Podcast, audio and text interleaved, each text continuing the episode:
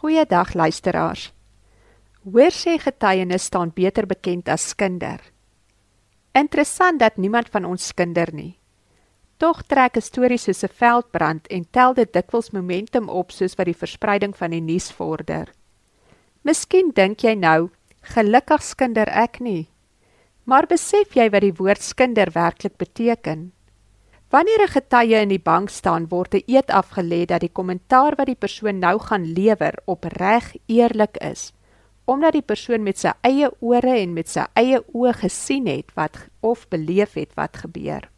Die getuie was dus persoonlik op die toneel en het met hulle eie oë en ore waargeneem wat daar gesê is en wat presies gebeur het en kan dit dus nou so aan die hof verduidelik. Die hof luister dan aandagtig na die weergawe van die gebeure wat vertel word.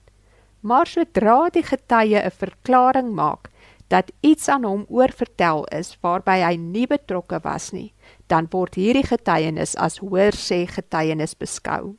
Hoorsê getuienis staan nie in die hof nie en word verwerp as die waarheid tensy die getuie bewyse kan lewer dat dit wat hy nou aan die hof vertel waar is. Net so is die saak in God se oë. Wanneer ek 'n sappige storie van 'n ander hoor waarby ek nie teenwoordig was om die feite te verifieer nie en ek waag dit om hierdie verhaal wat aan my oorvertel was met iemand anderster te deel, word die saak as skinder deur die Almagtige gesien en sondig ek teen God. Ek mag dus slegs van 'n aangeleentheid praat wanneer dit reg voor my oë en ore gebeur het, tensy dit feite is wat bewys kan word.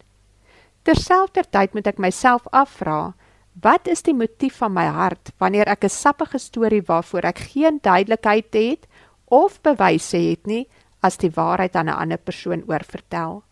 Wat wil ek bereik daardeur om oor ander mense te praat? Skinderstories het menigmal al skade aan die reputasie van onskuldige mense gedoen.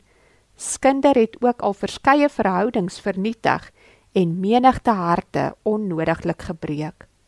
Voor ons volgende keer oor ander praat, laat ons eers daaroor nadink of skinder werklik die moeite werd is.